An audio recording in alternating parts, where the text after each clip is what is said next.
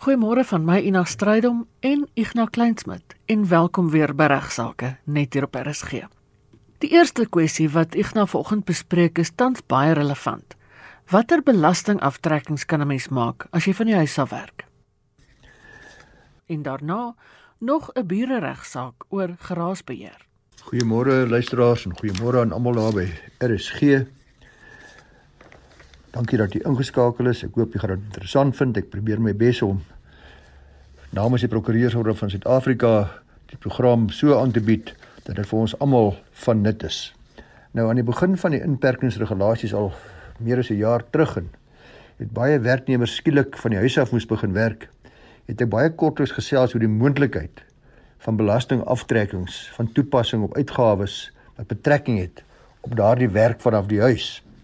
Die afgelope jaar het ek weer 'n hele klompie navrae gekry, onder andere van Dolly van Brakpan wat uh, al baie ongeduldig is met my uh omdat ek nog nie sy e-pos beantwoord het nie. Ek sien hy's baie gefrustreerd en redelike kleurryke taal het vir my gesê. Uh, ek lees ook een van die briewe van af Suzette van der Dussen daar van Oos-London. Sy sê ek werk nou al vir 'n geruime tyd vanaf my huis. Ek moet sê dit pas my eintlik baie goed onder andere omdat ek 'n kleuter het van 4 jaar oud en ek kan ook 'n oogie hou oor die huishouding. Ek doen invorderings vir prokureurs en my vergoeding is nie regtig aan ure gekoppel nie omdat ek betaal word vir die inkomste my sukseskoers. Dan sê sy ek het tyd op TV geselsprogram so half half iets gehoor wat daarop neerkom dat sy dalk haar huishuurpaaiement kan aftrek uh, as 'n belasting toegewing. Dan vra sy hoe werk dit? Ek het toe met haar geskakel en vir haar gevra of sy 'n kantoor by die huis het, of sy dit daar ingerig is van haar af te werk. Sy sê nee nee, sy werk sommer enige plek, hoofsaaklik maar van hulle eetkamertafel af. Nou aan haar Nolly en 'n paar ander navraers oor die afgelope jaar gee ek uh, goue uiteensetting van die wetgewing en regulasies van toepassing uh, wat dalk vir u van waarde kan wees as u van die huis af werk. Uh eerstens is dit korrek geen twyfel nie dat sommige werknemers, let wel net sommiges wat kantore by hulle huise ingerig het, geregtig is op sekere belastingaftrekkings. Oor die algemeen uh, word dit gehanteer deur artikel 11 van die Wet op Inkomstebelasting as jy 1972 wet, maar dan moet mense dit lees met 'n hele paar ander subartikels en veral belangrik is artikels 23 sub B en 23 sub M, M vir Marie. Artikel 11 en meer spesifiek paragraaf A, D en E daarvan spel uit presies watter uitgawes geëis mag word uh, terwyl artikel 23 M spesifiek dan sekere uitgawes verbied. Uh dis kan jy net eis as jy kwalifiseer in terme van hierdie artikel 11 uh en artikel 23 M bepaal dat werknemers uh, dis nou die wat nie kommissie gebaseer is nie kan slegs bedrae aftrek vir baie spesifieke uitgawes. En dan is daar 'n interpretasienota van die uh, Suid-Afrikaanse Inkomste Diens wat dan 'n bietjie meer duidelikheid vir my gegee het en hierdie nota sê dat uh, daardie uitgawes is byvoorbeeld die prorate aftrekking op die huurgeld van my perseel uh soos wat ons luisteraar gevra het of dieselfde prorata rente op die verband wat ek betaal as ek self eienaar is en dan die werklike koste herstelkoste aan uh, die huis en ook enige ander uitgawes in verband met hierdie perseel uh, wat insluit dan ook normale slytasie soos artikel 11E van die inkomstebelastingwet uitspel. Maar baie belangrik. Enige van u wat dink u dalk kwalifiseer, moet eers baie mooi kyk na die bepalinge van artikel 23B van hierdie wet want dit spel uit dat vir 'n vir 'n werknemer om toegelaat te word om te eis vir sulke uitgawes uh, is daar sekere vereistes. En die eerste belangrike vereiste is dat hierdie werknemer uh moet 'n aangewese spesiale werksplek hê wat spesifiek toegerus is vir doeleindes van hierdie werk wat hy of sy van die huis af moet doen. En dit moet ook gereeld gebruik word en eksklusief vir hierdie doel. Nou dis waarom ek vir Suzette van der Dussen gebel het om te vra of sy 'n kantoor ingerig het. In 'n geval beslis geen aftrekkings nie want soos sy sê sy werk sommer daar van haar eetkamertafel af. Uh dis 'n feitelike vraag of hierdie kriteria vir u almal wat van die huis af werk gaan geldig wees of nie is 'n is nie 'n regsvraag nie. En jy moet maar baie mooi gaan kyk en die belangrike vraag is daar of daar 'n gedesigneerde spesiale werksplek bestaan. Uh soos ek reeds gesê het, 'n eetkamertafel, 'n kombuisstoombank of wat ek nogal uh, wat jy net van tyd tot tyd gebruik vir werksdoeleindes sal beslis nie kwalifiseer nie. Wat is wat is nodig om 'n aparte plek te hê spesifiek vir daardie doeleindes om van die huis af te werk? En in so ver as wat so 'n kamer of 'n spesiale plek toegerus is, uh, gaan u waarskynlik kan slaag as u kan wys dat uh u dit gereeld gebruik en spesifiek dan ook vir werksdoeleindes. Uh, elke geval gaan op eie feite beoordeel word, maar weer eens baie belangrik want dis meeste van die vrae en uh, dit help nie as jy net nou en dan een of twee keer 'n week of wat gaan van die huis af werk en uh dan gaan jy nie kwalifiseer nie.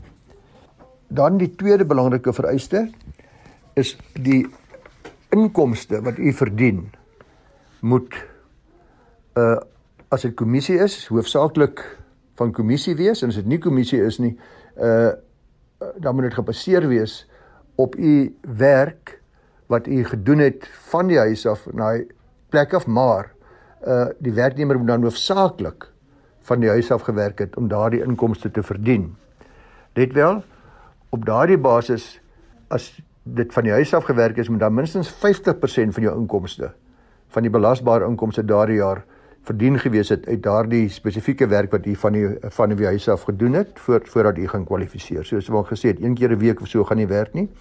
Uh so u moet maar behoorlik rekord hou as jy wel sekere tye van die huis uit werk om te sien of u kan bewys dat dit minstens 50% van die inkomste is wat vanaf die huis af daardie spesifieke kantoor van u verdien is.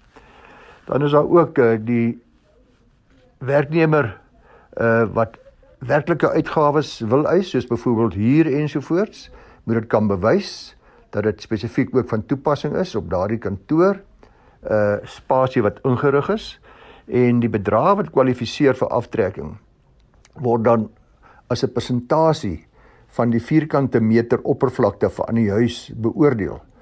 Uh kom ek sê byvoorbeeld nou dat u huis uh is 1000 vierkante meter groot. U kantoor wat ingerig is vir werkdoeleindes is 'n 100 vierkante meter groot. As u huurgeld nou R10000 is per maand, dan sal u kwalifiseer vir 10%, dis die prorate gedeelte van die kantoor wat u gebruik van die totale oppervlakte. Dit wil sê R1000 per maand. Uh en werknemers moet 'n aanmerking hou. En dis nogal belangrik voordat mense sommer links en regs gaan begin eis dat die van u wat die eie huise besit wat eienaars is van die huis moet baie lig loop kry my eers behoorlike advies van die ouditeur want jy moet 'n aanmerking hou dat u die primêre uh uitsluiting van kapitaalwinsbelasting op u woonhuis, primêre woonhuis van 2 miljoen rand. En uh dit wat kapitaalwinsbelasting betref, gaan nie van toepassing wees op daardie gedeelte, daai prorate gedeelte van die huis wat u na bewering as kantoor gebruik nie. So wees maar versigtig, maar ek hoop dit is nou meer duidelik vir werkers onder watter omstandighede hulle wel so 'n bietjie belasting voordeel kan kry. En nou amper vergeet ek het onderneem om nog 'n bure regsaak te hanteer. Jy sal onthou ek het uh, die saak van Hilary versus Madras Talimuden Islamitiese Instituut uh gehanteer, maar ek wil ook verwys na die van 'n Merwe en ander teen Drench Boxing en ons beperk en ander verwys wat op in Mei 2021 uh uitspraak ingelewer is. Dis baie dieselfde as die Islamitiese Instituut saak behalwe dat die beslissingsverskil. Jy sal onthou in die instituut saak wat ek bespreek het, het die hof beslis dat die applikant op 'n oorwig van waarskynlikhede wel daarin geslaag het om sy reg tot die genieting van sy eiendom te bewys en was die interdik toegestaan met sekere voorwaardes van minder klankgebruik en net sekere tye klankgebruik ensovoorts. In uh in hierdie saak het die applikante aansoek gedoen vir 'n interdik om die respondente verhoed om sy musiek so hard te speel dat dit strek tot buite die grense van die gimnasium waarin die musiek gespeel is. Die interdik moes hom ook verbied om enige geraasversterkingstoestelle te gebruik. En die doel van uh die hofsaak was dan om die finale die interdik om 'n finale bevel te bekom uh, want tydens 'n vorige verskyning reeds op die 30ste Desember 2020 was daar slegs 'n tussentydse bevel toegestaan en hy moet dan nou finaal gemaak word. Nou die applikante se kamervenster is ongeveer 'n meter weg van die gimnasium se balkon en word hulle rus dus versteur ongeveer 6 dae van die week. Want hierdie gimnasium is vanaf 6:00 in die oggend oop en dan word daar klasse aangebied wat gepaard gaan met musiek. Uh die tweede applikant bedryf ook haar prokureurspraktyk uit haar huis uit en word dan dikwels gesteer deur hierdie musiek en natuurlik die instrukteur se stem op die luidspreker wat hy nou klasse in hierdie gimnasium aanbied. En dit is ook belangrik om te noem luisteraars dat die eiendom waar die gimnasium uh die besigheid bedryf is wel geoormerk vir handelsgebruik vir kommersiële gebruik en die ligging van die applikante se huis en die gimnasium is in die hartjie van die stad. Die applikante het gesteun op die gemeenereg en nou ook die geraasbeheer regulasies. Ek is nogal interessant daai noise control regulations. Maar ek het al vir die verlede week gesê wat die vereistes vir 'n interdik is, is 'n duidelike reg.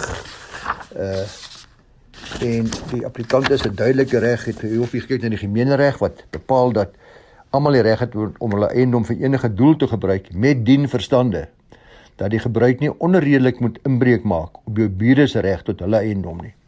Nou uh die hof het ook die saak van Lasky versus Showzone aangehaal. In daai saak is beslis dat objektiewe evaluering gedoen moet word van die omstandighede, die milieu waarin die beweerde oorlas, die geraas in hierdie geval plaasgevind het. Die doel van hierdie evaluering sê die hof is om te besluit of dit regverdig is om van die klaar te vereis om die inmenging te verdra. Aan die ander woorde, moet ek die musiek van die gimnasium verdra? 'n Goeie voorbeeld uh, is byvoorbeeld mense wat naby 'n lughawe bly. As ek naby 'n lughawe bly, moet ek weet, daar gaan die hele tyd vliegtye oorvlieg. Ek gaan elke liewe dag gaan ek van hulle bewus wees en hulle gaan my pla, hulle gaan my irriteer. Uh die tweede vereiste is behalwe nou die duidelike reg is daar moet 'n inbreukmaking wees of 'n vrees dat daar wel inbreuk gemaak sal word en die derde ene geen ander bevredigende remedie moet bestaan nie. Die hof het hier beslis dat die applikante wel 'n bevredigende remedie gehad het, naamlik om die dispuut te verwys na die stad in terme van regulasie 10 sub subregulasie 3. En die hof sê die duidelike reg los ons eers die inbreuk maak en los ons eers maar daar's 'n ander remedie hierso. Hierdie remedie sê die hof is om die stad se regulasies te gebruik.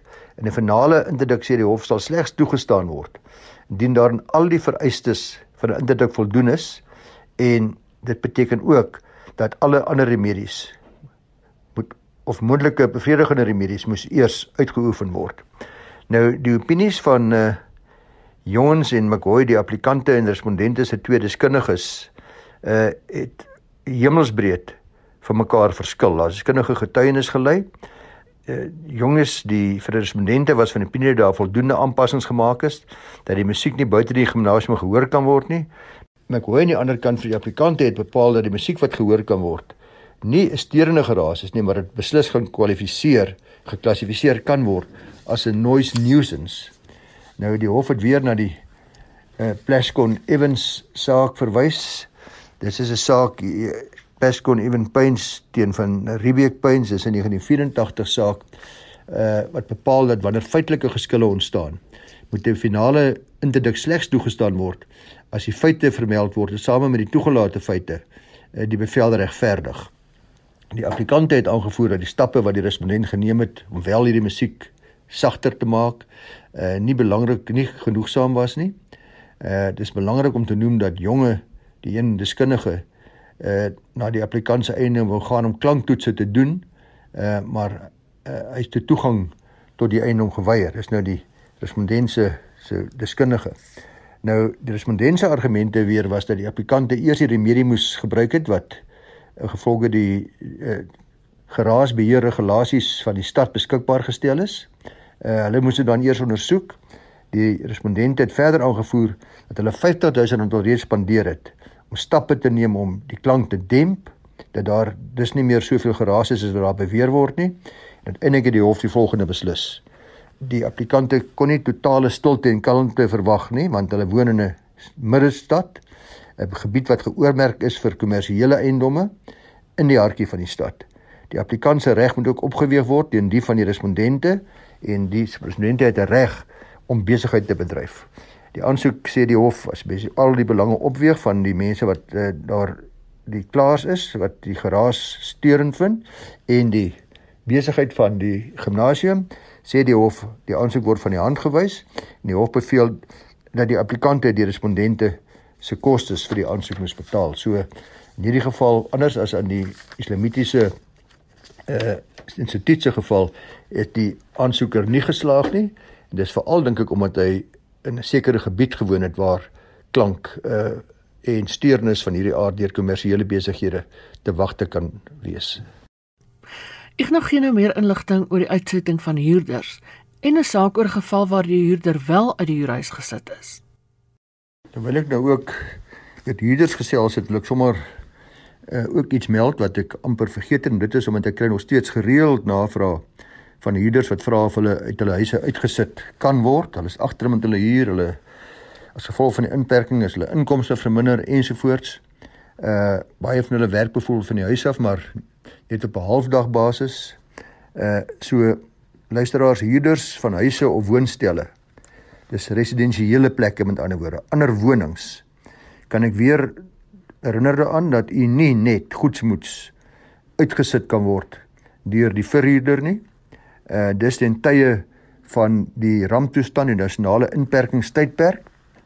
En daar's ook uh, verskeie billike praktyke uh wat vir u beskikbaar is want die verhuurders is ook gebonde aan hierdie billike praktyke uh wanneer daar hier dispute is en hulle behoort te weet dat hulle nie mense uit hulle eiendom kan sit omdat hulle weens die COVID-19 pandemie uh agterstallig raak met hulle huurgeld nie. Die nuutste regulasies wat onlangs uitgevaardig is, jy sal weet dit was die eerste groepie op 27 Junie wat vir 2 weke gegeld het en ek kan aanvaar dat daarna terwyl die ramptoestand voortduur hierdie bepalinge net so sal voortgaan. Hierdie jongste regulasies het bepaal dat niemand uit hulle huis gesit kan word of dat hulle woning soos 'n plakkershut byvoorbeeld platgeslaan mag word ten tye van die inperking nie tensy en dis belangrik 'n hof dit goedgekeur het. En daar is sulke gevalle ek sal dit later met u bespreek. 'n uh, 'n hof mag ook 'n bevel vir uitsetting of aftakeling van 'n woonstruktuur gee totdat die ramptoestand beëindig word maar net onder sekere omstandighede. Uh die regulasies bied beskerming aan huurders soos ek sê teen onbillike huurpraktyke. Uh en daar is daar 'n tribunaal vir huurbehuising en daardie tribunaal het spesifiek opdrag gekry om voorsiening te maak vir dringende aanhoor van dispute uh of om 'n dringende spoliasie bevel, dis 'n restituisie bevel te kan uitreik om 'n huurder wat uitgeskop is selfs weer die reg te gee om terug te gaan na van waar die plek waar van waar hy uitgesit is. Dis ook uh, altyd onbillik uh, as 'n verhuurder 'n boete het vir laatbetaling van huur. In ander woorde, jy is nou laat met jou paaiemente en dit was R500 'n maand en nou gaan ek jou R700 vra. Want uh, ek het 'n boete van R200 vir die laatbetaling. Uh, dit mag nie gedoen word uh, terwyl daar 'n ramptoestand is wat veroorsaak het uh, dat die verhuurder dan nie in goeie trou of tegemoetkomend wil optree nie. Uh, dis veral waar noodgevalle dan van toepassing is. Let wel, en dis baie belangrik want dit is uh vorige keer toe ek dit bespreek het, jare wat terug het ek daar oor 'n klomp navrae gekry. Ek het spesifiek daarna gesê dit is nie van toepassing op besigheidspersele nie, net op woonpersele. So u kan uitgesit word as u besigheidsperseel huur en nie u huurgeld betaal nie. Normale reëls geld. Dat ek kan sommer dadelik voorgaan om u te vertel uh van 'n huurder wat wel uit sy huurhuis geskop is uitgesit is ten tye van die COVID-19 se vlak 3 grendeltydperk en uh, dit wat hierdie jaar in die Hooggeregshof van Kaapstad was daar 'n beslissing bevestig dat dit wel toegelaat was dat 'n huurder tydens hierdie grendeltydperk uitgesit kon word. In hierdie saak het die huurder al reeds vanaf 2013 tot en met 2019 'n woning by die verhuurder gehuur en gedurende 2019 het hy agterstallig geraak met die betaling van sy huurgeld en gevolglik het die verhuurder die huurkontrak gekanselleer en versoek dat die huurder die woning moet verlaat. Hy het versuim om uit te trek soos dit baie dikwels gebeur en uh hy het die verhuurder geen ander keuse gelaat as om die hof te nader uh om 'n uitsettingsbevel teen hom te bekom nie. Nou die uitsettingsbevel is deur die hof toegestaan en die huurder het hierdie beslissing toe op appel geneem. Nou die hoofgronde, die hoofrede vir sy appel was gebaseer op die argument dat hierdie uitsetting hom haweloos sal laat. Hy het nie ander verblyf nie. Uh, hy het ook aangevoer dat hy nie 'n regverdige kans gehad het om sy kant van die saak voor die hof te stel nie. Hy beweer dat die hof nie die korrekte inligting oor sy inkomste en uitgawes in ag geneem het nie, met ander woorde hoe sleg dit finansiëel met hom gaan nie. Hy voer verder ook aan dat sy prokureur hom hier in die steek gelaat het of uh aangesien hy onvoorbereid was wat toe daartoe gelei het uh dat hy nie die saak behoorlik verdedig het voor die uitsettingsbevel toegestaan was nie. Die Hooggeregshof van Kaapstad het baie mooi, baie noukeurig en baie fyn gaan kyk na die rekord van die aanvanklike verhoor en het bevind dat hierdie argumente van die huurder net nie gegrond is nie. Uh dat dit nie heeltemal korrek is nie want wat die argumente in aansien van die inkomste betref het die hof daarop gelet dat die korrekte syfers nie gebruik was nie aangesien die gelde wat hy ontvang het van vriende of familie uh ook foutiewelik in ag geneem was deur die hof op aanhoor van die appel het die hof steeds bevind dat ten spyte van daai syfers wat nie heeltemal korrek is nie uh die huurder wel oor genoegsame fondse beskik het om sy maandelikse huur te betaal Die hof het ook bevind dat die huurder beslis nie haweloos gelaat sal word nie. Die was baie ander plekke waar hy verblyf sal kon kry en, en lig ook van sy inkomste en die appel was gevolglik onsuksesvol. So die Hooggeregshof in Kaapstad het hier bevestig dat daar geen rede is om die aanvanklike hof se beslissing te wysig nie en die uitsettingsbevel nie tenstaande die Grenwel tydperk was korrek en op billike gronde toegestaan. So die huurder is toe gevra dat beveel om die woning binne 'n sekere tydperk, 'n redelike tyd te verlaat. Daar was baie klem geplaas op die feit dat die huurder nou verplig word om die woning te verlaat nie tenstaande COVID-19 se vlak deur die generaal tydperk. Dis belangrik luisteraars. Dis om te onthou dat hierdie uh, uitsetting uh normaalweg nie toegestaan word nie en geheel in alafhanklik is van die regulasies deur die minister wat gereeld van tyd tot tyd verander. Maar die hof het bevind dat in sekere omstandighede dit wel kan gebeur, omstandighede wat van so 'n aard is dat dit nie onbillik sal wees om steeds 'n huurder uit sy woning te sit nie. So hierdie saak help geweldig baie vir mense wat in 'n verhuurder situasie is waar die huurder 'n goeie inkomste verdien en nou net hierdie hele grendeltydperk misbruik om sodoende uh van sy huur verpligtinge ontslae te raak. En dink uh dat dit gaan nie meer later kom op nie. Want onthou dat terstallige huur verdwyn nie dit kan nog steeds verhaal word eh, soos en wanneer uh die grendeltydperk verby is en natuurlik uh daar kan nog steeds vonnis gegee word vir die bedrag self vir die agterstallige huur. Dit daarmee kan voorgegaan word. Dis net die uitsettingsgedeelte wat opgeskort is. So ons howe gaan voort om alle partye soos normaalweg aan hulle kontrakte gebonde te hou en verantwoordelik te hou om hulle verpligtinge na te kom. En dit beteken nie dat ons verlos is van ons verpligtinge om huur en ander uitgawes te betaal bloot omdat daar geen tydperk van toepassing is nie. Net voor ons afsluit bespreek ek nou 'n skadevergoedingssaak waar die interpretasie van 'n woord die uitslag bepaal het. Die almal wat gereeld luister weet nou al dat taalgebruik en interpretasie 'n baie groot rol speel by ons howe en 'n uh, ondanks 'n uitspraak van regter Seun Mushidi uh, wat onder die uh, vergrootglas geplaas het, het weer gewys uh, want dit het gehandel oor die interpretasie van 'n enkele woord wat regter Omshidi in sy hofbevel gebruik het. Nou ek onthou ook 'n taalvoorval met dieselfde regter Omshidi toe hy nog 'n prokureur was en daar in uh, Pretoria by die Transvaalse prokureursorde dink so in 1990 daar rond dalk vroeër. Uh ons was saam raadslede by die prokureursorde en uh middagete geniet en die president op daardie stadium het toe verseën Mshidi gevra om asseblief die tafelgebed te doen. Terloops, hy was uh, baie hy's baie goed in uh, tale en hy het Afrikaans ook vlot gepraat. Hy toe dit uh, toe gebid in sy eie taal. Ek kan nie onthou wat Sotho was of wat nie, maar uh Wyle Billy van der Merwe, 'n baie bekende prokureur in Suid-Afrika van Hofmer van der Merwe, het toe na die gebed gesê: "Maar seun, ek het nie 'n woord verstaan van wat jy gesê het nie." Nou regter Seun Mushidi het uh, was dadelik op sy mond geval nie, het onmiddellik vir Billy gesê, "Wel, dis irrelevant, want ek het in elk geval nie met jou gepraat nie." Luisteraars, die feite van hierdie saak was dat die eiseres tree op namens haar kind wat gebore is met 'n serebrale gestremdheid weens nalatigheid tydens die bevalling. Dit was uh, die saak is die member of the Executive Council for Health Gauteng versus PN, Kaapse saak. Die Meriete en die Quantum is geskei. Dis niks snaaks dit gebeur gereeld. Handel eers Meriete af en dan die Quantum wat so gebeur het.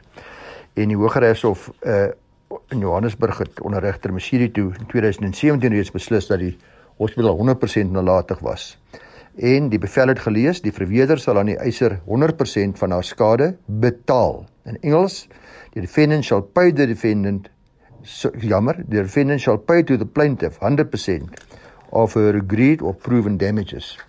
Toe gaan die saak nou voor 'n regter Linde vir die bepaling van hierdie skadebedrag en dit het toe astronomiese 32 miljoen rand beloop. Nou die verweerder vra toe die hof dat daar twee reëls van die gemeenreg ontwikkel moet word naamlik dat die once and for all rule wat bepaal jy net een keer mag eis vir jou gelede en toekomstige skade uh, wat voorspel dat een eis oorsaak en dat skade vir mediese nalatigheid net met 'n lomsom geld vergoed moet word na gekyk word want die alternatief tot die lomsom sal wees dat mediese dienste en goedere dan eers deur die departement vir openbare gesondheid van tyd tot tyd betaal word. Nou hulle kry net die 32 miljoen rand dadelik nie, maar dit word oor jare betaal soos wat die klein ding dit nodig het. Uh vir uh, mediese dienste en goedere.